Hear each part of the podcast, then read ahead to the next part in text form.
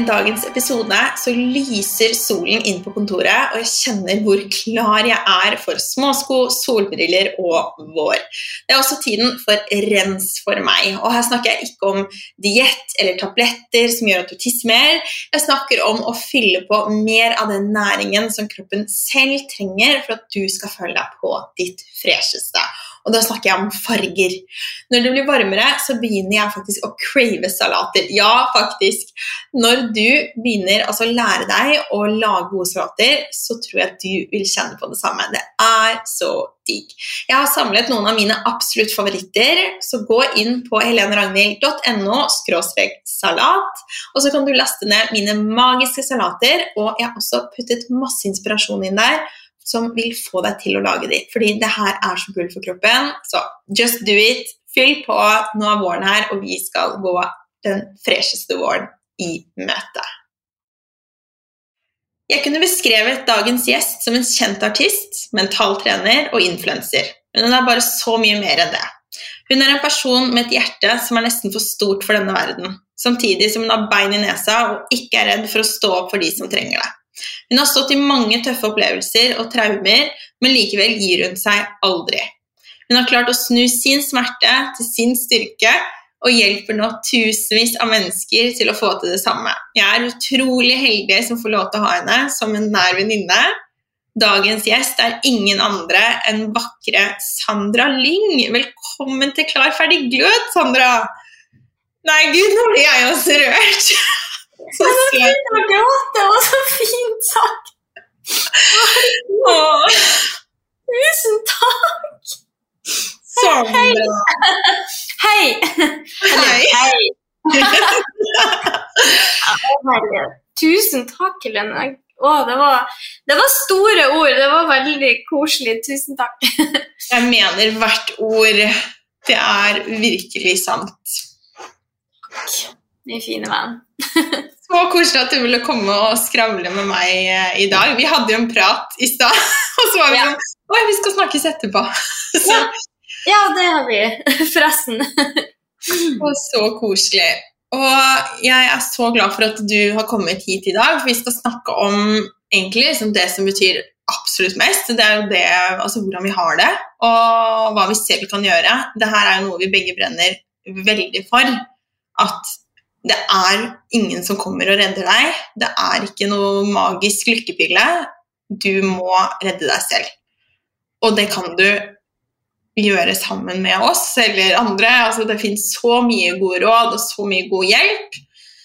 Så det er det vi skal egentlig inn i i dag, er liksom hvordan, hva du kan gjøre selv da, for å få det bedre. Mm. Det mest spennende eh, snakketemaet noensinne, syns jeg. Mm. Helt enig. Men først så må jeg jo Vi må få bli kjent, enda litt bedre kjent med deg. Eh, Så først så vil jeg bare altså, hva, Kan du dele litt om deg selv, eh, så vi kan bli litt mer kjent med, med Sandra? Med ja. Jeg er vokst opp eh, i, på en liten plass midt i Norge, i Nord-Norge. Jeg dro dro derfra som 16-åring og ble med på et uh, TV-program. Uh, og ble, etter det ble livet mitt snudd på hodet. Da begynte jeg å jobbe som artist uh, som 16-åring. Uh, sleit litt med med spiseforstyrrelser, og det var liksom mye kaos og sånn. Så, men, men jeg prøvde å bare smile utad og stå i det og rett og slett late som om alt var fint. Det ble jeg veldig god på. Og da hadde jeg gjort det i sånn fire år. Jeg hadde turnert. Det, det gikk ganske bra med artistkarrieren min. Det var skikkelig artig. Tenk at jeg et lite mobbeoffer fra Mosjøen skulle oppleve drømmen min som å bli popartist. Det var bare litt eh, for stort til å fortsatt eh, se for meg. Altså, jeg klyper meg fortsatt i armen. Men uh, det jeg merka etter den eh, perioden, var at jeg følte meg ikke ekte utad. Fordi jeg sto bare og smilte og lot som om livet var perfekt. Og det er en av kvalitetene mine, og det vet vel du som, som venn min, Helene, det er at jeg er ærlig. Jeg er ærlig, og, og det, det er, en, det er en ting jeg vil opprettholde som jeg er stolt av. Så, så til slutt så føltes det bare veldig feil å skulle stå og si at alt var bra når det ikke var det. Så var jeg på en eh, tur med, med eh, God kveld Norge, på ferie et sted. Det var vel Bali, faktisk. Og plutselig så spør de hvordan jeg har det, og så er jeg åpen. Nei, jeg har det faktisk ikke så bra. Jeg sliter mye med bulimi og spising, og jeg syns det er kjipt. Og så når jeg har sagt det, så så fikk jeg sånn Å nei, sa jeg det? Og så angra jeg meg sånn. Og jeg grua meg til episoden skulle komme ut, for det er ingen som har snakka om bulimi. Vi visste ikke hva det her var engang for sånn 20 år siden. Og så eh, trodde jeg at nå er karrieren min over, nå står det stempla mentalt syk i panna mi. Og så var eh, effekten helt motsatt. Jeg fikk brev, for det var før sosiale medier. Jeg fikk massevis av brev fra ungdom og foreldre som takka meg for at jeg var åpen, og sa det at det at jeg var åpen foran potensielle hele Norge, alle som vil se det, gjorde at de turte å være åpne mot sine nærmeste. Gjorde at inspirerte de til å være åpne mot sine venner eller søke hjelp. Og da innså jeg effekten av åpenhet, og effekten av det å, å være ærlig og ikke bare for at livet går opp og ned for oss alle. Livet er ikke en dans på roser. Sånn som du sier, det fins ingen quick fix for hvordan å ha det bra. Vi er ikke skapt for å være lykkelige hele tida. Vi er ikke skapt for å være i lykkerus. Det heter mani, eller da har du tatt dop. Det er ikke naturlig. Vi skal kjenne på alle følelsene, og vi må føle kontrastene i livet for å vite hva lykke er, for å vite hva som hva er det som gjør meg glad, eller nå er jeg skikkelig takknemlig, for jeg vet at det her er det jeg ikke liker. Nå er jeg så glad for at jeg har den kjæresten her, for at jeg har de her vennene, for jeg vet hva ensomhet er. Nå er jeg så glad for at jeg klarer å løpe, for jeg har vært forkjøla i to uker. Altså, vi, vi trenger å, å, føle på den takknemligheten og de kontrastene i livet. Det skal vi. Så etter det så begynte min reise med å være åpen. Så nå er jeg artist, men også noe jeg kaller indre styrketrener. Eh, og hvor jeg rett og slett deler mine vonde erfaringer i livet som en erfaringskonsulent. Jeg ble spurt i psykiatrien da jeg endelig da ble frisk fra fødselsdepresjon. Da jeg har vært i psykiatrien for forskjellige greier, for som du sa, jeg har opplevd mye fæle ting som har gjort at jeg har traumer. Så jeg ble, da jeg ble frisk i 2019 eller 2020 2020 så ble jeg spurt om jeg ville jobbe der som, for noe som heter erfaringskonsulent. De har sett da rett og slett eh, verdien av å kombinere en som har opplevd ting, med en som har lest seg til ting. Altså den som kan faget, og den som forstår. Den kombinasjonen er visst veldig bra. Um, og, og, det hadde jeg veldig lyst til, men siden det var i covid-tida, så måtte man bare gjøre det online. Og da måtte man bare gjøre det online med akkurat de som var på det stedet. Og jeg bare sånn, Men jeg når jo ut til folk i Tromsø og Farsund og, eh, og Stjørdal liksom, på å være på Instagram-kontoen min. Hvorfor ikke prøve å nå ut til, til de også, når det like så, godt skal være online? Eh, og fortelle om min reise og alle de tingene som har hjulpet meg. For ja, jeg har gått fra deprimert til å være så lykkelig som jeg kan være. Og jeg liker ikke å love lykke og love euforiske følelser, men det å ha flest av de gode dagene, flere av de, det, der er jeg. Jeg er på mitt beste sted i livet fra å være der at jeg har vært suicidal. Og det, det, det, det klapper meg, litt, meg selv litt på skuldra fra å si. Og nå deler det med med de som har lyst til å, til å, høre på det. Alle de tipsene som jeg har lært, de beste tipsene for hvordan få det bra. rett og slett. Hvordan leve sitt aller beste liv. For jeg vet at det er mulig, men det ligger i oss selv, som du sa i innledninga. Det ligger i hvordan vi tenker, hvilke vaner vi har. Vi kan ikke sitte på ræva og lete etter og, og, vente på motivasjon. Vi kan ikke gå og si stygge ting til oss selv i speilet eller baksnakke andre for det er negativitet, ikke sant? Å tenke at vi skal ha det godt inni oss. Eh, vi, og, og, og da, ja, da, lærer liksom de små justeringer for hvordan å, å, lage seg. For du kan rett og slett reprogrammere hjernen din, og det lærer jeg nå bort. Og så har jeg ikke en hund lenger. Det var veldig trist, jeg skulle til å si det. Jeg har ikke, ikke en hund lenger, hun døde nettopp, men jeg har en nydelig sønn og en samboer og ja, bor i Bærum og har det fint. Det var meg. det er veldig, veldig fint. Og, og det er så sant det du sier, og det er så viktig. Ja, ja, ja til alt og mer av, mer av det. Så takk Ja. for at du deler. Takk for at jeg får det. Jeg vet jo at en av de tingene du er veldig opptatt av, det er morgenrutine. Og jeg spør egentlig alltid gjester om det, så jeg vil gjerne høre med deg. Hvordan startet du dagen eh, i dag? Akkurat i dag starta litt annerledes, for jeg skulle egentlig i studio i dag og lage musikk. Og så ble eh, barna til produsenten syk, så han måtte være hjemme. Så da ble det plutselig en dag i kalenderen der jeg hadde litt pusterom. Så det gjorde, at etter at eh, sønnen min var levert i barnehagen, så ga jeg meg faktisk sånn egenkjærlighetstid til å bare gå og legge meg igjen. Og ligge og dra meg litt i senga til klokka var ni åpne vinduene, se at det var sol ute, og så, eh, så, så sier når det blir en rutine, så sier jeg 'gleder meg til denne dagen', selv om jeg ikke gjør det. Jeg gleder meg til denne dagen. Denne dagen kommer til å bli så fin. Jeg gleder meg til alt det fine som skal skje i dag. Begynner å preppe hjernen min med positive tanker med en gang jeg våkner. Og så har jeg en metode som er sånn, for det er vanskelig å komme seg ut av senga når du egentlig har fri og har lov å ligge der. Så gjør jeg noe som heter rakettmetoden, som jeg kaller det, som er basert på Mel Robbins sin um, five second rule, hvor det rett og slett bare er fem, fire, tre, to, én, altså opp ifra senga. Eh, og eh, i dag så Jeg bruker egentlig å ha en sånn hel målerutine der jeg gjør en, noe som jeg kaller takknemlighetsrutin. Men i dag gjorde, var jeg rett og slett litt sånn slack morgen, for man, det skal ikke være rigid heller og skal følge eh, og skal følge en vane. Så jeg så at uh, mannen min hadde lagd sånn uh, tunfiskstuing, er det det heter? tunfisk Tunfiskgreier. Så jeg spiste altfor masse av det, og da ble jeg så mett at jeg orka ikke trene.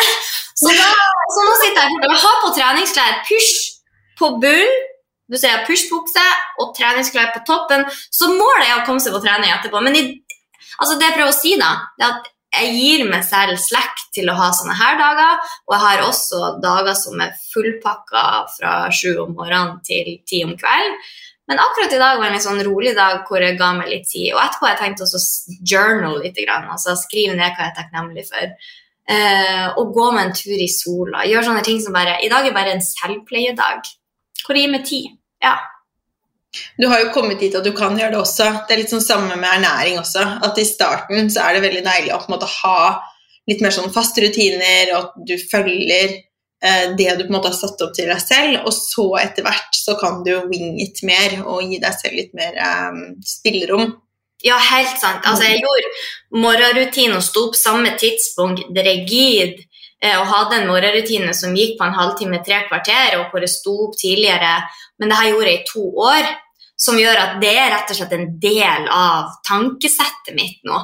Eh, som gjør at jeg nå kan gjøre det tre-fire ganger i uka og fortsatt opprettholde eh, de positive tankene som er viktige å starte med om morgenen. For det er liksom, lager du deg en god morgen, så er det mye mer sannsynlig at du lager deg en god dag. Og hva skjer når du lager deg gode dager? Jo, da har du et bedre liv.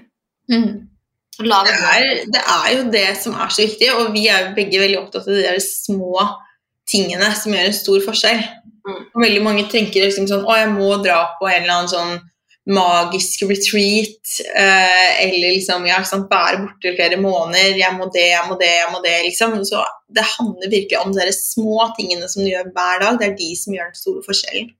Ja, det er de små mikrovanene. Det, det handler ikke om at du må opp halv fem på trening, hardbeint kjør, så løpe en time rundt, så kle på deg, kle på ungene, så vaske huset, så Altså, det, det trenger ikke være et sant liv, men å starte med å gjøre noe konsekvent hver dag i, når man skal begynne å, å lage seg en, et bedre mindset, som det heter, eh, så er det lurt.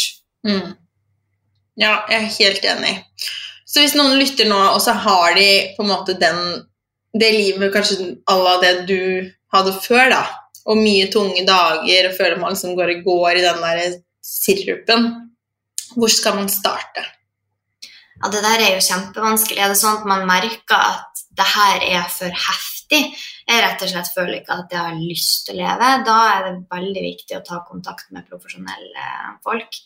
Med psykolog, eh, psykiater, gå til legen og, be om en time eller noe råd.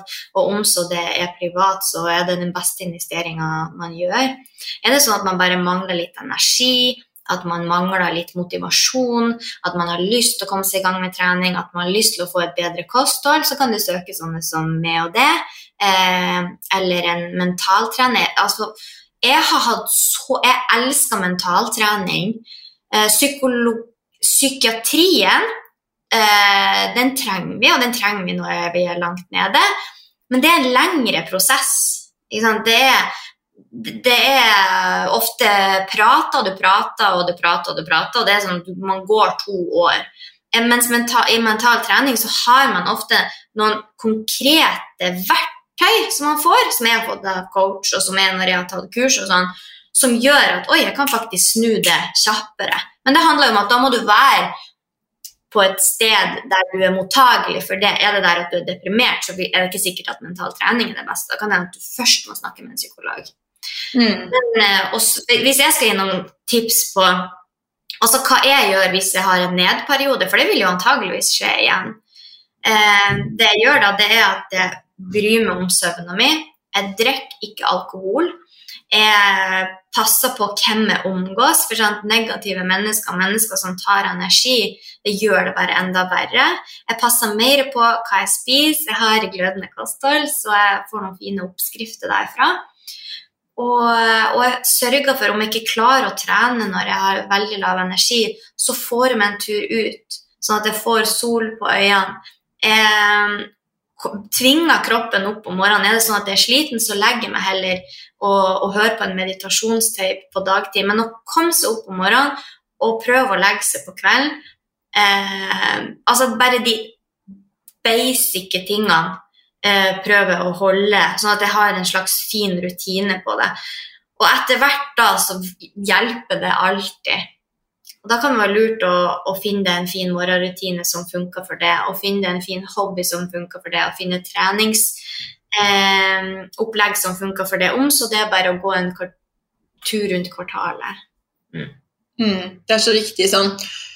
For meg så føler jeg at etter at jeg fikk barn, så har det blitt lettere å liksom bli på en måte liksom dratt gjennom. For jeg må opp med de hver dag, så jeg kan ikke ha dager hvor jeg bare er veldig nede sånn før de på en måte har dratt på i barnehage og sånn. Og da blir det liksom vanskeligere for meg ikke få den starten. Um, og det er jo veldig mange av oss Man, liksom, man tenker jo alltid sånn Nei, nei, alle liksom er jobb i skole, alt sånn. Det er mange som faller ut av disse tingene.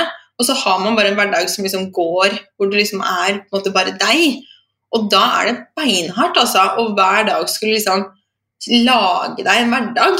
Mm. Så jeg husker når jeg hadde de dagene som var liksom tøffest, da, så bare, var det bare sånn Få satt på en vaskemaskin. Bare sånn at jeg liksom hadde gjort én ting.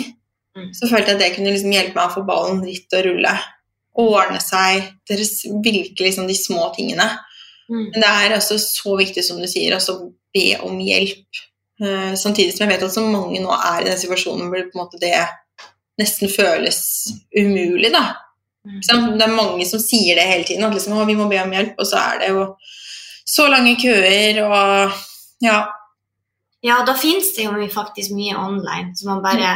Kan søke seg til. Og om så finne en coach i, eller en mentaltrener i perioden der du venter på en psykolog. Eh, for jeg, jeg, har sett at det har hjulpet veldig mye eh, for meg. Og det er så viktig det å bare gjøre sånne små ting som du mestrer, og huske å klappe deg selv på skuldra for det. Det er derfor det er så fint å starte om morgenen. Så hvis du f.eks. har en kjip periode nå, og så starter du i morgen med å gjøre sånn 5, 4, 3, 2, 1, bare opp av senga. For det som skjer etter hvert, da, det er at hodet ditt forbinder med en gang du begynner å telle på, til, på femtallet, firetallet, så, så, er det på vei ut. Mm. Så det er veldig smart. Og så bare rei opp senga. Mm. For det, da har du, før du har gjort før du har pussa tennene og spist frokost, så har du allerede mestra en liten ting. Mm. Og så, er det litt deiligere å gå og legge seg på kvelden. Det er grunnen grunn til at de gjør det her i militæret. Ja, det er for at ting skal bli i orden, men det er også for det er en liten psykisk virkning på det. Og derifra, når du allerede har mestra noe, så kan det hende at du får lyst til å mestre en ting til, sånn som, si, sånn å sette på en vaskemaskin. Eller jeg syns det kan hjelpe dager der jeg føler meg skikkelig kjip, i stedet for å dasse hjemme i eh, i eh, pysjen hele dagen med en dott på hodet og ser veldig trøtt ut, så kan det faktisk hjelpe meg sånn som du sier, å stelle meg litt. For det er akkurat som du sier til deg selv da, at oi, vi er klare for, for, dagen. Selv om vi bare skal være hjemme, så er vi klare for dagen og gjør noe med følelsen. Ja, jeg er helt enig. Det, er, eh, det har virkelig alt å si, de små, små tingene. Ja. Det er så fint at du eh, at vi liksom jeg, jeg, tror virkelig at, eh, at vi gjør det for komplisert. Ja, jeg tenker altså, du sier at da, da, må vi sitte og meditere i fem timer i strekk, eller da må vi på en retreat, sånn som du sa, eller da må jeg, nå må jeg kaste alt i skapet mitt og starte helt på nytt og, og begynne å trene hver dag. Altså, det, det, det, handler bare om å starte i det veldig små. For vi skal jo ikke på en diett eller, eh, eller, eller, trene oss opp til eh, et eller annet OL, eller eh, gå, dra på en nødvendigvis ei helvetesuke. Vi skal lage en ny livsstil, og vi skal lage en ny tankesett. Og det som skjer når man har det, når man har reprogrammert hjernen sin, gått i en rutine der du spiser bedre, en rutine der du beveger kroppen din litt. Og jeg snakker om trening ikke pga. utseende eller nødvendigvis bygge muskler, men for at det gir deg serotonin, dopamin, nodrenalin. Det der de gode stoffene i hjernen som bidrar å forebygge depresjon. Og som hjelper hvis vi er i depresjon. Det er derfor jeg snakker om det. Og da å lage det til en livsstil, så forebygger du det å gå i kjelleren. Mm. Eller, og når du går i kjelleren, så bygger du kanskje ikke hus der. Du er ikke der for alltid. Plutselig så så er du der kortere og kortere tid. Og mm. det har jo skjedd meg. Jeg har vært deprimert hvert år i kanskje 15 år. Trodde at jeg hadde bipolar lidelse, blitt feilgenoptisert, gått på masse medisiner. Vært i kjelleren og sykemeldt masse. Til nå å, å være mer stabil, da. Og kjenne og, og, og har lært meg til å sette pris på de små tingene. Som om det kommer blomster snart som om det er sol ute, som om jeg har gode venner jeg kan ringe til og mm. slå en prat. Ja, du har jo gjort en kjempestor innsats for å komme dit, virkelig. Så du sa i stad sånn Jeg skal si en liten, bitte liten klapp på skulderen. sånn, den, den, skal være stor, i den klappen på skulderen. Det er jo helt fantastisk hva du har fått til. Takk. Altså, det er bare Akkurat når jeg klapper på skulderen den liker jeg veldig. Jeg sier det til de som de som er mine kunder i indre styrketrening. Altså, når du gjør sånne ting, klapp det litt på skuldra. For i oss så går mange av oss og leter etter validasjon. Sikkert fra foreldre, eller fortsatt, selv om vi er voksne, eller fra en lærer som sa noe negativt, eller fra noen som oss, som vi skulle bare ønske likte oss, eller som ga oss, eller faren din som, som ga deg en high five når du fikk en femmer på en matteprøve, eller, og så fikk man ikke det, og så går man fortsatt og leter etter det. Og da er jeg litt i trynet ditt og sier at du kan faktisk gi deg til det selv nå. Det er derfor jeg sier fysisk. Legg hånda di der, og så gjør en liten sånn. For det gjør litt godt. Altså, det er bare Merka du at det ga deg et bitte lite smil? Mm. Først virka det litt rart, og så gir det deg et lite smil. Eh, og det kan være sånn om, om, du skal dele en nyhet, og ingen jubler sammen med deg, eh, noe du syns er stort eller stas, eller som ikke de forstår, Gjør sånn her sjøl. Og så opp med armene, liksom. Det er nesten umulig å være sur samtidig som du gjør sånn. Det er sånne små trikk som skal til. Det å stille seg i noe som heter power pose, som er bare ryggen rett, hendene i sida. Hvis du står sånn i fem, to minutter bare, så senker du stressnivået med 25% og øker godfølelsen og risktagings... Eh, hva det heter altså det å ta risker, da, med nesten det samme. Det har jeg gjort studier på. på Harvard. Du blir mer modig? Faktisk. Ja. Og det bare, og det kan snarvei til følelsene dine, snarvei til hodet og tankene dine er kroppen din.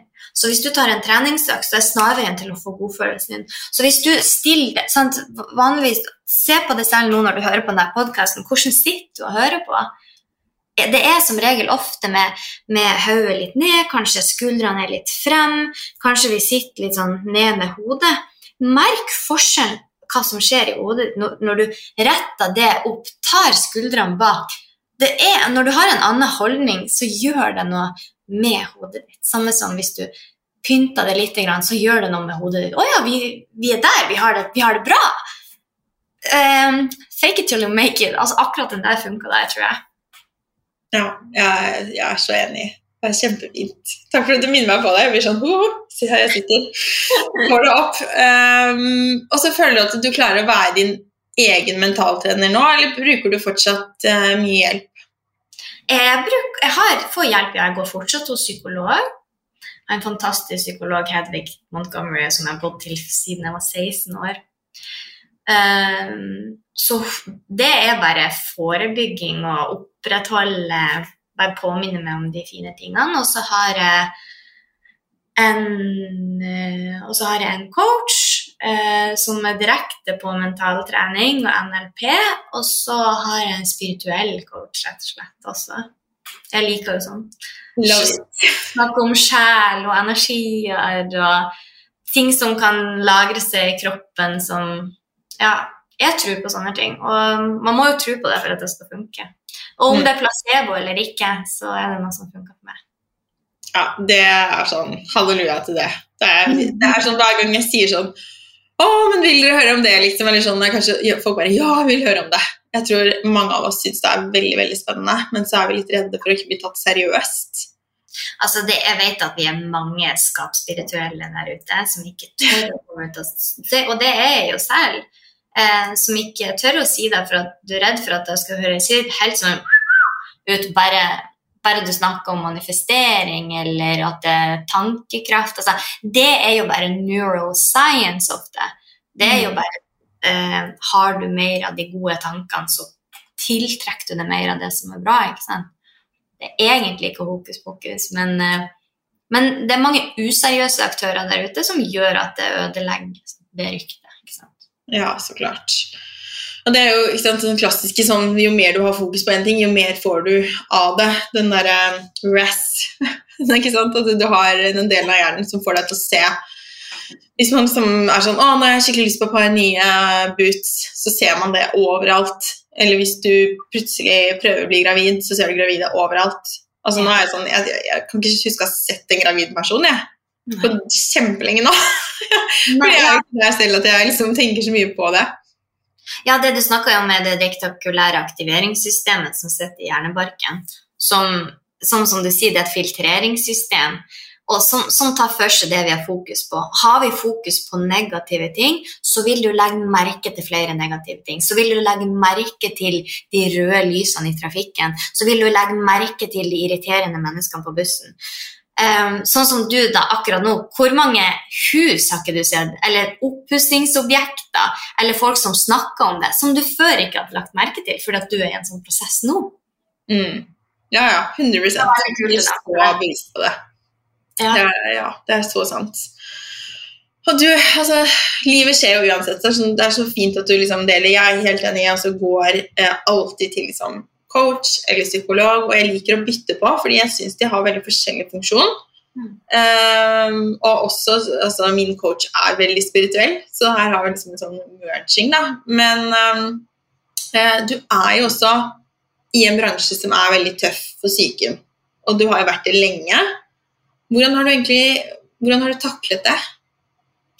Ja, altså, eh, tøff er kanskje det presset du snakker om. At, mm. Eh, det, det, tror jeg faktisk, altså Et sånt press tror jeg alle føler på. Eh, at du skal Jeg vil bare nevne det kjapt at jeg tror ikke det er unikt. Men fordi at jeg snakka med noen om det i går. Kommer du, du, kommer du til jorda her, bor i Norge, så er det, det er liksom forventning om at du skal være karriere La oss si vi er kvinner, da, for det er mest kvinner som hører på podkasten. Du skal kanskje være sterk, være søt, være søt og hyggelig i stedet for eh, krass og direkte. Du skal kanskje få barn innen da, få deg en heterofil kjæreste innen da. ha god økonomi, men ikke gjør det for bra. Eh, for, for, for, det er jo heller ikke bra. Går du rundt med Chanel-veske og nye av de, så blir du kanskje sett skuesett. Altså det, er, det finnes så masse normer som er vanskelig å leve opp til. Og akkurat ja, i musikkbransjen så har jeg jo rett og slett blitt opplært til at det altså blitt fortalt at jeg ikke kan veie over 60 kg som artist. Jeg har blitt dumpa av plateselskap fordi jeg var for tjukk da jeg var 17 år. Jeg har blitt nekta å spille musikkvideo fordi at jeg var for tjukk. Eh, det har kommet muligheter, det har gått muligheter, og er du på et sted der du har en hit, da vil alle snakke med deg. Er det der at Eh, da det har gått to år siden den hiten, eller du har fått barn, eller bla, bla, bla, så er det døra i fjeset. Og det, det er heftig. Eh, og så er det jo ingen eh, Ingen eh, Hva det heter eh, Altså nå har jeg glemt det ordet. Kontinualitet eller mm. Sikkerhet. Mm. Vet aldri hva du tjener neste måned. Og sånn her har jeg levd i 20 år, så jeg vet jo ikke om noe annet. Og jeg velger å stå i alt det her, pluss at det er mange mennesker som ikke er fine folk i den bransjen her. Det samles, eh, det samles en del folk som eh, er keen på å være en del av den, den greien, og som ikke har vært bra. RF Erland Bakke, f.eks., som har vært min manager. Um, så det er heftig å stå i, i, dem, men alltid, alltid verdt det. For når jeg kommer med en sang sånn som nå, når jeg var med på Grand Prix og slapp en låt som heter um, Den heter Na Na Na så lenge, så nå husker jeg nesten ikke hva, hva den heter.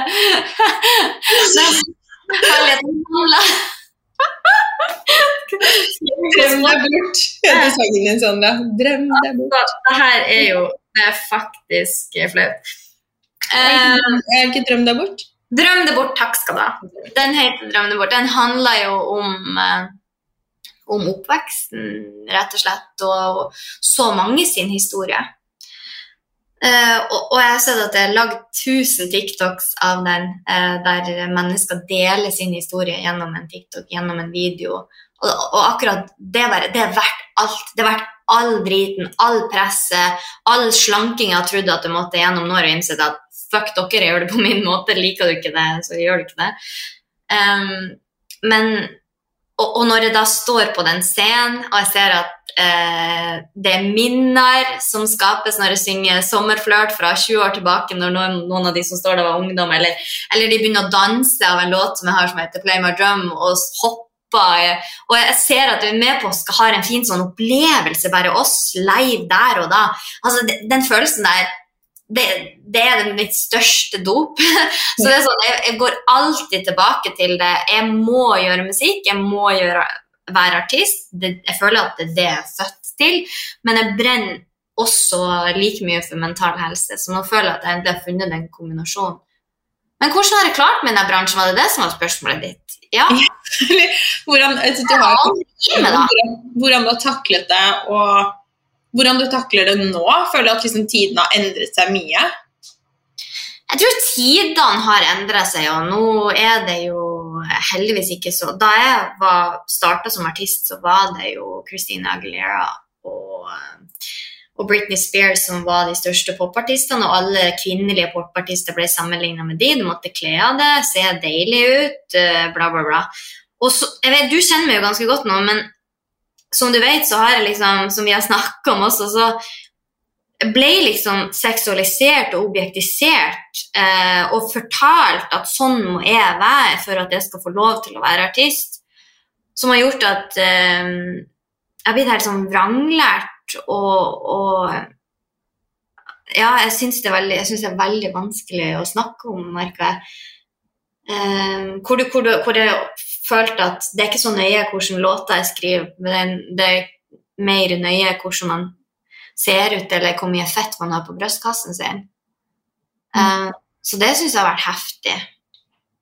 At det har vært, når jeg kommer ut med ny musikk, så er det det spørsmålet jeg har fått fra journalister ofte. Ja, men har du silikon? Uh, jeg har nettopp skrevet en sang som handler om noe ganske personlig. Ja, men uh, har du silikon eller ikke? Skjønner du? Det, akkurat her har jeg syntes det har vært ganske tøft. Men, men nå, er jo, nå, er jeg jo, eldre, og heldigvis vet bedre og er glad i meg selv. Og jeg lar ikke noen presse meg inn i noe jeg ikke har lyst til. Og jeg kommer til å gjør, lage den musikken som gjør meg glad. Akkurat nå så kommer jeg ut med partymusikk igjen. Eh, fordi at det bare føles veldig riktig, for jeg har lyst til å ha det gøy. Jeg har bare lyst til å ha det gøy. Livet er for kort til å bare gjøre seriøse ting også. Mm. Jeg er enig. Det, er, uh, det blir bra. Vi trenger litt mer party nå. Jeg tror vi trenger det alle sammen. Ja, altså jeg, jeg, trodde kanskje at vi trengte en sang som representerte Og det gjorde vi vel også, drømte bort var, var fin, for at jeg vet at den rørte mange med at den beskriver oppveksten til mange der ute. Så, og der ser de at noen andre har satt ord på hvordan du har det, og bare jeg forstår. Men jeg tror også at vi trenger noen sanger som man bare kan sette på og glemme at ting er litt kjipt. For det kan man gjøre med bare en sang. Bare se hva det kan gjøre med det. Så nå blir det mer, mer sånn gladsanger og ja, sanger du kanskje har lyst til å danse til.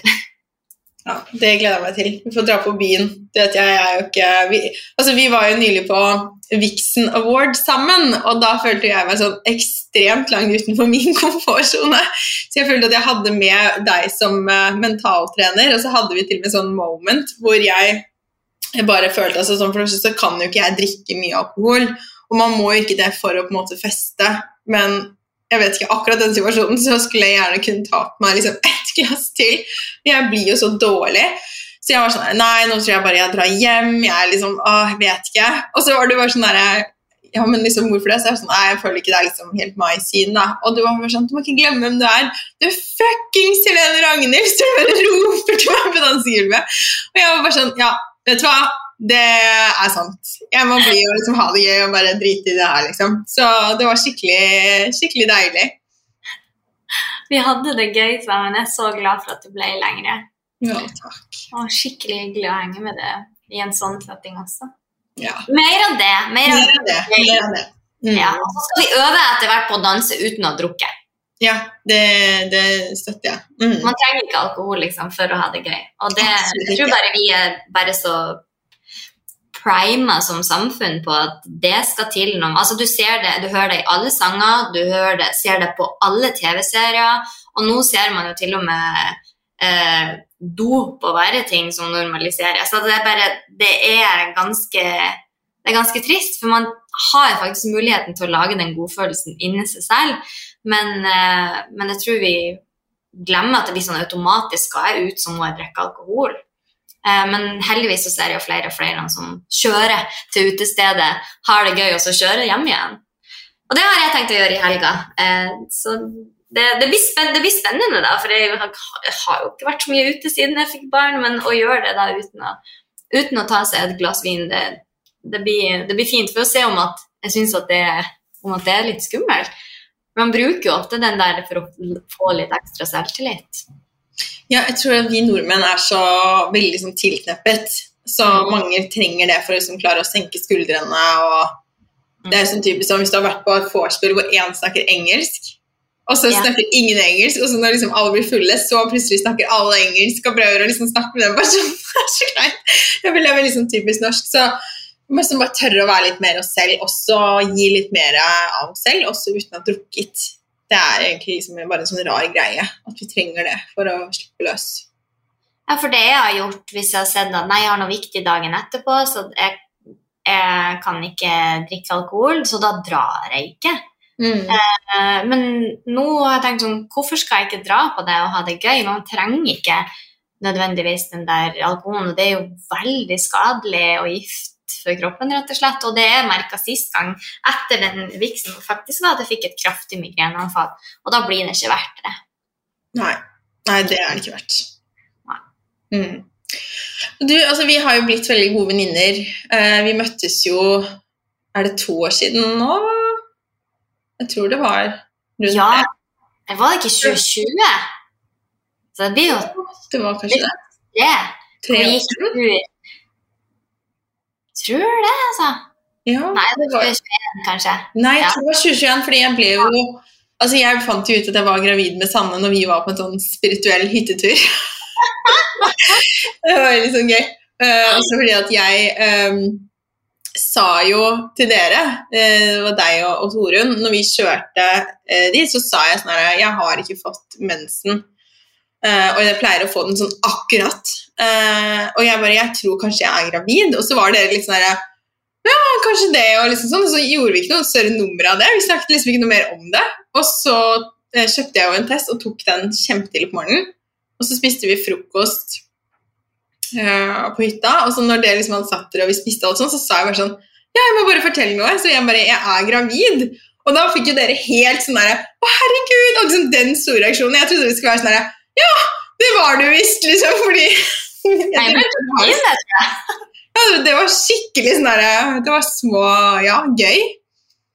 Ja. Så ja, det er eh, Og så mye har skjedd siden da også.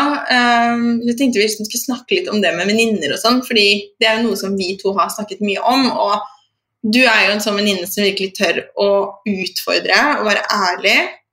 Og det prøver jeg også å være til alle mine venninner, og ikke bare liksom jatte med eh, hvis noen på en måte er sånn alltid klager over de samme tingene, og liksom tenker jeg sånn Ok, men kanskje jeg skal hjelpe og liksom Noen ganger trenger man bare klage, og det er helt greit.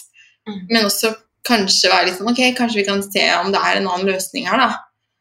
Ehm, og du er jo veldig sånn som hjelper meg. føler jeg liksom, Du pusher meg, du hjelper meg, utvikler meg. Du sier liksom Nei, det der er bullshit. Eller. Men altså Vi har jo snakket mye om hvor vanskelig vennskap kan være. Hvorfor tror du det er sånn for så mange av oss?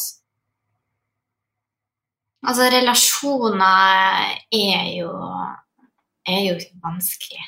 Jeg syns det.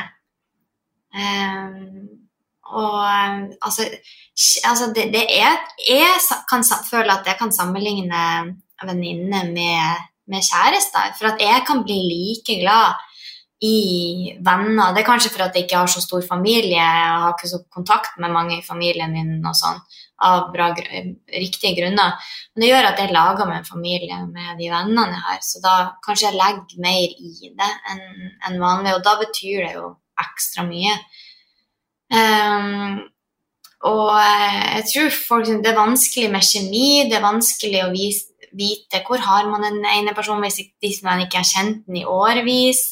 Man kan få sånn venninneforelskelse i starten, og der man rett og slett, akkurat som med kjærester, um, får litt sånn skylapper og ikke ser de tingene som kanskje ikke Det at venninna kunne lyge eller snakke veldig mye dritt om andre, og da er det sånn Det så jeg ikke. Selvfølgelig snakka de dritt om meg også, hvis de snakka veldig mye dritt om andre. Skjønner du? Eh, det er sånne her, en, småting. Jeg syns, vennskap er kjempevanskelig, så akkurat der er jeg ikke noe, noe ekspert. Men det jeg har gjort annerledes nå kontra før, det er at jeg rett og slett ikke At jeg har satt, satt grenser, da. Altså få på en måte så mange sjanser på å skuffe meg eller ikke holde en avtale eller si noe som ikke stemmer, eller Og så, sier jeg ifra eh, at det her føles ikke bra for meg, og hvis det til slutt ikke føles bra, så, så kutter jeg det ut. For vennskap og kjærester, det skal være en bonus, det skal gi det noe ekstra, det skal være noe fint og hyggelig. Og ja, jeg syns det er viktig òg at man kan ha man kan kanskje diskutere og være uenige om ting, men på bunnen er det kjærlighet. Jeg har noen venninner som er bare totalt uenig i alt de poster på Instagram. Men jeg er glad i dem som menneske, for jeg har jo noen venner i denne bransjen. Og, og da kan man snakke om det. Det der er jeg ikke enig i, men, men jeg digger det. Mm. Um, men det å sette grenser for seg selv og, og skjønne sånn, jeg Å tenke litt sånn Hva er det jeg gir? Hva er det de gir? Er det veldig skeiv balanse her? Ok, da fortjener jeg kanskje bedre. Eller da er jeg heller alene eh, uten den vennen, for at da Det gjør så vondt, da. Så det er jo forskjellen. Jeg, jeg tør å sette grenser nå og si, si hva jeg syns at jeg fortjener tilbake som en venn. Jeg føler Vi snakker veldig mye om det her med forhold. Og Da er det liksom mye sånn her, ok, what to do, hva skal du se etter? Men det er ikke så mye snakk om det med vennskap. Nei, jeg husker jeg, jeg, jeg mista kontakten med min, med, med min beste venninne eh, for uh, to år siden. Det var min største kjærlighetssorg. Verre enn verre enn å miste en kjæreste. For at det er akkurat som at vi var så close, og det er akkurat som at med venninne så, så går du inn med en sånn Det her er livet ut. Vi skal sitte i gyngestolen og right ride or die, liksom. Mens i forhold til vi har du den statistikken på at 50% skilles. Du vet at når du går inn i det her, du kan få hjertet ditt knust. Men i vennskap så er det liksom mer sånn eh, i blinde og bare Yes, oss for alltid. Så det kom som et sjokk når hun, hun da brøt kontakt med meg. Jeg aldri hørte noe igjen. Det var ikke noe jeg hadde gjort, det var hennes situasjon som ble annerledes da.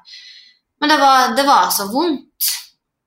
Mm, eh, jeg syns vennskap er, er, er, kjempevanskelig, og jeg vil og jeg, jeg, jeg, blir kanskje litt for intens. For jeg, sånn som jeg, sier, jeg, vil ha det som et familiemedlem. Jeg vil, jeg vil være nær, og jeg vil kjenne det på godt og vondt. Og, eh, og så syns jeg det er veldig viktig og Jeg har, jeg har i, eh, i indre styrketrening noe jeg kaller relasjonssirkel. Og det er rett og slett å kartlegge hvem, hvem, hvordan fem stykker er det som er innerst. Hvem er det du skal ringe og ta telefonen når de ringer alltid? Eh, og hvem er det som er der for det, og du er der for Hva er det første du kommer på, du som hører på nå? Lag gjerne en sirkel og skriv det. Så er sirkel nummer to Der kommer liksom, kanskje det er familie innerst. Sirkel nummer to, der kommer kanskje dine beste venninner, selv om man ikke snakker om bestevenninner i voksen alder, kanskje. Men hvem er det, eller bestekompiser? Og så er sirkel nummer tre ok, det er de som du av og til går på kafé med, kanskje går en tur hver tredje måned. Det er de som du ikke har så mye kontakt med, men som du er glad i. Og så i sirkel fire så er det de som kun ringer det når det er, de trenger det, eller, eller, du kun er på fest med. Eh, og så er det rett og slett i sirkel fem. Det er, det er de du skal innse at du skal skyve ut, som du ikke skal bruke energi på. Fordi eh, det er antageligvis de som tar energi i stedet for å gi. Og der er det viktig at det er en balanse der. Ellers så blir du tappa for, for, energi i stedet for at, igjen, at, man gir og tar, da. Ja. ja, og det er jo nettopp det jeg føler alltid at relasjoner er det som, som jeg strever mest med som jeg har gått mest i terapi for. Det er relasjoner til de rundt meg. Og så henger du igjen i gamle mønstre. Hvordan var det som barn? F.eks. jeg hadde aldri en bestevenn da jeg vokste opp. Um, jeg hadde ikke venner. Jeg ble mobba. Jeg ble mobba hjemme, altså i nabolaget mitt og på skolen. Så jeg hadde, jeg hadde, liksom ingen venner. Jeg gikk alltid og drømte om den venninna som var sammen i tykt og tynt. Og da jeg fikk henne, så lå hun med kjæresten min. Og så fikk jeg meg en ny venninne, og hun rett og slett eh, utnytta meg. Eh, og så fikk jeg en ny, ny venninne, og, og, det skjærte seg også. Så jeg har så dårlig track record. Men det har jeg innsett også handler om at jeg hadde veldig lavt selvbilde. Når du tenker veldig stygt om deg selv, så, eh, så tillater du at folk behandler det likt som du tenker om deg selv. Mm. Så da jeg begynte å ha høyere tanker om meg selv enn at jeg var det verste mennesket i verden og styggeste som fantes, um, og rett og slett kjenne at å, jeg er faktisk litt glad i meg selv, jeg setter litt pris på det mennesket jeg er blitt, jeg gjør ingen, ingen noe vondt med vilje, og jeg, jeg jeg prøver virkelig å dedikere livet mitt for å hjelpe. Jeg prøver, jeg prøver å kjenne på det at jeg, denne versjonen vil være, og er stolt av det. Da kjenner jeg at da fortjener jeg bedre. Da fortjener jeg Jeg vet at jeg gir mye, og, da, og, og jeg, jeg, forventer ikke å få det samme tilbake. Det er ikke noe sånn um, 'Å, jeg ringte det, derfor skal du ringe med.' Så, det, det, gjør jeg ikke, men, men, at det er i hvert fall noe man får igjen, da. Mm. Og jeg I hvert fall ikke bli stress tilbake, liksom. Mm. Føler, I hvert fall ikke at du føler sånn ekkel energi rundt Nei. andre av venninner. At det blir sånn krevende. Det tenker jeg er viktig. Og i hvert fall i den liksom i hvert fall sånn Ut ifra meg selv så er jeg jo i en fase som er litt krevende med disse små. Og da har man liksom ikke sånn kjempemye tid. ikke sant? Hvis du skal se venninnene si liksom gå ut og ta en middag eller sånn, da. Det er ikke noe du gjør liksom tre ganger i uka. I hvert fall så får ikke jeg det til. Nei. Så det tenker jeg da liksom Da skal det gi meg påfyll. Ja. Mm. Du skal få deg fra med et smil, og at du har det bedre enn før du mm. dit. Ellers så er det jo ikke Ellers så er det ikke vits. Og det var så, det var så fint det der du, du sa med, med klaging. Hvis det er en du møter hver gang, så er det så er det klaging. Og en ting er jo hvis noe har skjedd i livet, at det er samlivsbrudd, det er dårlig med businessen, det er sånn, sånn, sånn. Men hvis det virkelig bare er klaging på, på ingenting, og du føler at eh, Oi, det, det, det, blir faktisk bare negativt. Det er òg litt slitsomt. Ja, det blir litt sånn ja, Skal man bruke kvelden på det igjen, liksom? Mm. Det er fint å kunne si det, for jeg, jeg, aldri, jeg ville aldri kutta ut noen eller droppe noen. Jeg er ærlig. Det her mm. liker jeg, det her syns jeg var ubehagelig, sånn kan du ikke ha det. Eh, fordi at jeg er mot andre som jeg ønsker å bli behandlet selv. Og hvis no, noen syns at jeg gjør noe rart, sier noe feil, sier noe som kan tolkes rart, sier noe som kan såre uten at jeg mener, så vil jeg gjerne at, at man, den vennen er ærlig på det. Enig. Og det som jeg selvfølgelig alltid er sånn å bare si det fra ditt perspektiv når man skal ta opp noe, så er det liksom eh, Jeg føler ikke at jeg har liksom stått i den situasjonen på lenge, men, men det er som å si sånn Nå føler jeg kanskje ikke at jeg klarer Jeg vil så gjerne hjelpe deg, men jeg føler ikke at jeg klarer å løse opp i det her for deg. da, At det blir litt sånn vi bare snakker om de samme tingene igjen og igjen. og igjen. Jeg tror ikke det tar deg fremover. Mm. Så, og så kan man jo spørre også sånn her Vil du ha mitt råd? For jeg har jo noen, eller mange venninner som er coacher og alt sånn. Uh, og da sier jeg noen ganger sånn der Jeg vil ikke bli coachet, jeg vil bare at du skal være venninne. Jeg vil bare liksom få lov til å bare si dette er kjipt, liksom. Og så trenger man bare å få det tilbake. Så det er ikke det at man liksom aldri skal få lov til det. Og det vet jo også at liksom, du, Sandra, er helt enig. Det er ikke sånn at man skal gå rundt og være sånn la-la-la hele tiden og bare positiv og snappe æra mitt. Hvis du liksom sagt til meg sånn nå er det skikkelig dårlig dag, så er jeg sånn ok, men uh, Ta yeah. CB, liksom. Men det er jo, man har jo lov til, liksom, til å på en måte gå ned, men så, er det jo liksom, så vil de jo ha at noen skal hjelpe deg opp igjen. Because misery loves company. Så det å sitte og liksom snakke om eh, hvor kjipt noe er, da Det er jo på en måte deilig, men det tar deg ingen steder. Ja, akkurat når det kommer til sånne situasjoner i vennskap, så føler jeg at jeg har en fordel, for jeg har vært i så mye greier sjøl at det er veldig ofte Det er jo derfor jeg ble spurt om å være erfaringskonsulent, ikke bare innenfor ett felt, men fem forskjellige. Det er for at jeg opplever så mye um, som, som, som, gjør at jeg kan ofte forstå, da. Um, og det, det, er jo fint. At ok, hva var det som hjalp meg ut av denne situasjonen? Mm. Og så kan det hende at ikke det passer for den personen. Men det er så fint at du sier at da må du Da kan det være fint å spørre sånn Vil du at jeg skal bare lytte, eller vil du at jeg skal gi råd? Mm. Det er jo ubehagelig å stå i ofte også når noen andre har det vanskelig. Det er vanskelig å være der for en annen person som sliter. I hvert fall hvis du har det vanskelig selv også. Det var en gang at jeg måtte sette en venninne på pause, for vi sleit med det samme samtidig. Og da merka jeg at det gjorde meg bare dårligere å være rundt henne når hun klaga på akkurat de samme tankene som jeg hadde selv. Mm. Så bare gjorde kanskje til at vi begge Vi kunne ikke hjelpe hverandre opp i det, for vi begge hadde det vondt. Og da måtte jeg bare si det ærlig at eh, akkurat nå så blir jeg faktisk mer trigga av det enn jeg føler at jeg kan bidra, eller du kan bidra akkurat nå. Eh, så eh, hvis vi bare kan snakkes gjennom et par uker, så er det fint. Nå var jeg bare ærlig på det, i stedet for å ghoste personer. For det syns jeg er noe styggeste man kan gjøre. Ja, virkelig. Det er ikke bra. Vi må tørre å ta opp ting. Det er, det er kjempeviktig. I ja. alle relasjoner. På en ordentlig måte. Mm. Det er jo aldri farlig. Jeg liker så godt det spørsmålet hva er det verste som kan skje?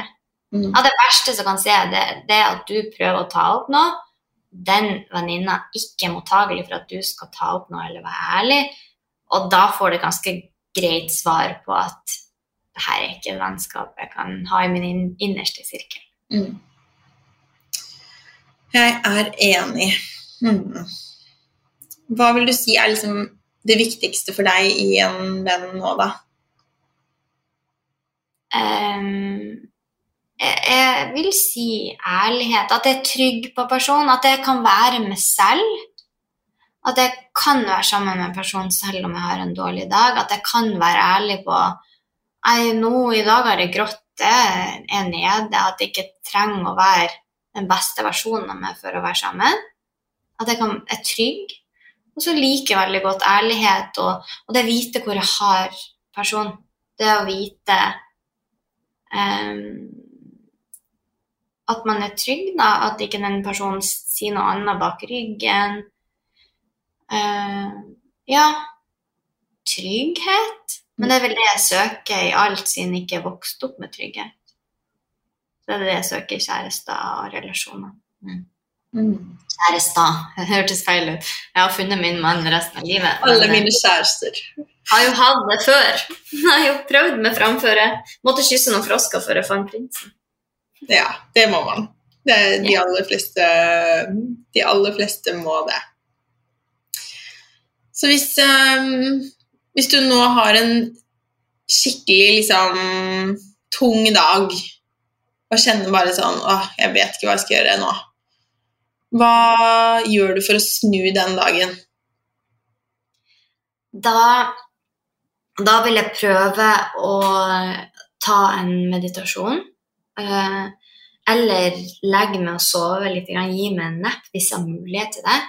Eh, eller så vil jeg gjøre takknemlighetsrutin. Jeg har, en, en, jeg har et eh, verktøy som heter tilstandstrekanten fra mentaltrening. Eh, det funka veldig bra. Det er rett og slett eh, der du har gått igjennom med en coach eh, alle de tingene du kan finne på å si til deg selv når du er nede. Eh, og hvilken kroppsholdning du har da, hva du sier til deg selv, hvordan du står, hva du gjør. På andre sida så skriver du det motsatte. Hva er det motsatte av det? Nei, da ville jeg sagt at jeg likte meg selv, jeg ville sagt at jeg var sterk, da ville jeg sagt at jeg var modig, og så ville jeg stått rak i ryggen, og så ville jeg kanskje danse, eller ville jeg satt på noe god musikk. Så, så, har jeg det foran meg som en sånn plakat. Jeg hadde det da jeg var litt sånn deppa i høst, for det var mye kjipt som skjedde, som jeg ikke kan dele. For det er angående offentlige personer. Eh, men jeg ble skikkelig dårlig behandla, og det gjorde at det gikk i kjelleren. Så hadde den tilstandsrekanten på bakgrunn på mobilen, og hver gang jeg følte alt det der som sto, som sto i rødt, som var negativt, så snudde det om til. Så handla det liksom om ikke la hjernen din gå inn i det dystre. Uh, noen ganger så skal man det. Noen ganger så skal man sørge. Noen ganger så skal man bare gi seg selv tid. I dag skal jeg bare ligge på sofaen og se på serier og, og spise et eller annet jeg har lyst på. Det fins en veldig god balanse der. Man skal ikke alltid hente det beste humøret man trenger også tid, og hvis man trenger å hile og hile noe gammelt, så må man få lov til å gjøre det. Men hvis det bare er en sånn dag, så ville jeg gjort det. Og så ville jeg tatt på meg noe rød leppestift som var helt crazy, og så ville jeg gått med en tur, ringt en venn, gjort noe annet. Eh, sånn som jeg hadde en dårlig dag forrige uke. Jeg bare våkna og følte at det her er en dag jeg ikke har lyst skal For det var noen greier som hadde skjedd. Og da bare ja, ut av senga, 5, 4, 3, 2, 1, takknemlighetsrutin, på med sminke, ringte venninna mi, tok henne med på Oslo Rå, dro og kjøpte blomster til meg selv, og humøret var snudd. Mm. Ja. Så hva, hva, er det som gjør deg glad? Og så kan du spørre deg selv trenger jeg å hvile og stå i de her følelsene, og det er helt greit? Eller skal jeg prøve å snu det? Og da har jeg mange verktøy for å snu. Ja, det er du rågod på. Kan du beskrive hva som ville vært den perfekte dag for deg? Altså, Før ville jeg kanskje sagt at at det må være navnet mitt på Billboard og førsteplass på VG-lista. Men jeg har lært meg til å virkelig bare sette pris på de små tingene. Så hvis det er en dag der jeg, sånn som i dag, der jeg kan sove litt, grann, og bare gi meg, bare strekke meg litt i senga, sette på noe rolig musikk, ha litt meditasjon. Eh, ha tid til å gjøre den takknemlighetsrutinen, spise en god frokost, det er sol ute, jeg kan møte en venn, jeg kan gå tur, kanskje få en treningsøkt sånn at jeg føler meg bra. Og så eh, kanskje jeg kan eh, jobbe litt med indre styrketrening, kanskje jeg har en konsert på kveldstid, eller at det er noe gøy som skjer, det er den perfekte dagen for meg. Og det å være sammen med familien og ha eh, fin samtale rundt middagsbordet med sønnen min, at han har det bra, kanskje spille svarteper eller Memory, som er vår ting. Kanskje gå og ta et isbad og sitte i badstue ja, altså jeg føler at jeg lever så gode dager hele tida. det, det, er det som er mine, mine, mine perfekte dager. Jeg lager meg bra dager. Jeg velger å lage meg bra dager. Jeg lar ikke det bare være opp til tilfeldigheter. Så fint. Og det er jo sånn at livet består av mest hverdager, så vi må jo gjøre de gode, tenker jeg, med de der små små tingene som liksom en deilig kaffekopp som er akkurat den koppen du hadde lyst på, eller som du sier, et bad, eller liksom være litt spontan og være sammen med folk du er glad i. Det er det Se som er livet. Se mens du strikker, f.eks. Mm. Eller ta deg et bad hjemme med ett stearinlys med litt sånn rolig musikk. Bare det er jo lykke for meg. Mm. Det er så mange ting som er lykke for meg nå når jeg har uh, reprogrammert hodet mitt. Ja, Oppfordring til deg som lytter er å, om du ikke allerede har det, så kjøp deg en liten notatbok som du liker å skrive i. Uh, og en av de tingene som jeg anbefaler veldig, er å skrive en sånn der gledeliste. Sånn, mm. alt som får deg til å smile. Stort mm. og smått. Og være sånn Ok, hva kan jeg liksom putte inn noe hver dag? Mm. Vi trenger det. Mm. Og, og, det er så fint å se på den lista når man har en sånn dag. Å ja, men det gjør meg jo glad. Ja, men det hjelper jo litt. Hvis det ikke er sånn at du rett og slett trenger å sørge litt, eller trenger, å, trenger, å, trenger den dagen å tenke at i morgen starter på nytt. Ja, det, er det, er veldig viktig å tenke det også. Det er den balansen. Mm. Ja. Helt til slutt, hva er det som får deg til å gløde? Åh, det er mye. Det er at eh, Jeg må jo bare si Jeg vet at det er nesten klisjé siden det er glødende kosthold, men når tarmen min har det bra For jeg sliter jo med at jeg ikke tåler både gluten og melk og alt sånt. Og har jeg, klar, har jeg en periode der jeg klarer å ha sunne måltider, eh, så har magen min det bedre, og da, da har jeg det bedre. Og får jeg da en treningsøkt som gir meg alle de godfølelsene og gjør at det skinner i, i skinnene mine. Men det kan også være en, eh, en standup med, med noen venner som bare har fått meg til å le. Ja. Ja, det er så sant. Bare virkelig le. Det er Det gjør så godt. Søndag, Helene. Hva sa du nå? Jeg skal ta det med på standup. Ja, gjør det. Vi gjør det. det blir gøy. Hvor er det vi kan eh, finne deg for å følge deg videre, Sandra? Oh, eh, det blir vel Altså, jeg er jo overalt. Skal du se, På Snap, på Instagram, på Facebook, på TikTok, på YouTube. altså Ja, altså deler jo ut masse sånn tips da, på um, sandralyng.no skråstrek takk, f.eks. Det er en mm. takknemlighetsrutine hvis du vil se det. Ja, gå inn og få den med deg. Det er så gull. Tusen, tusen takk for at du var med, kjære venn og fine, fine menneske. At du deler så ærlig, åpent og raust. Takk, kjære. Takk for den introen. Jeg ble rørt da jeg tenkte på det. ja, det var koselig. Rett fra hjertet. Og meg det finner dere på heleneragnhild.no og Helene Ragnhild på Instagram og Helene Ragnhild ernæring på Facebook og ja, litt andre steder òg. Bare søk opp Helene Ragnhild, så finner dere overalt. Tusen takk for denne stunden, og så lyttes vi igjen veldig snart. Ha det!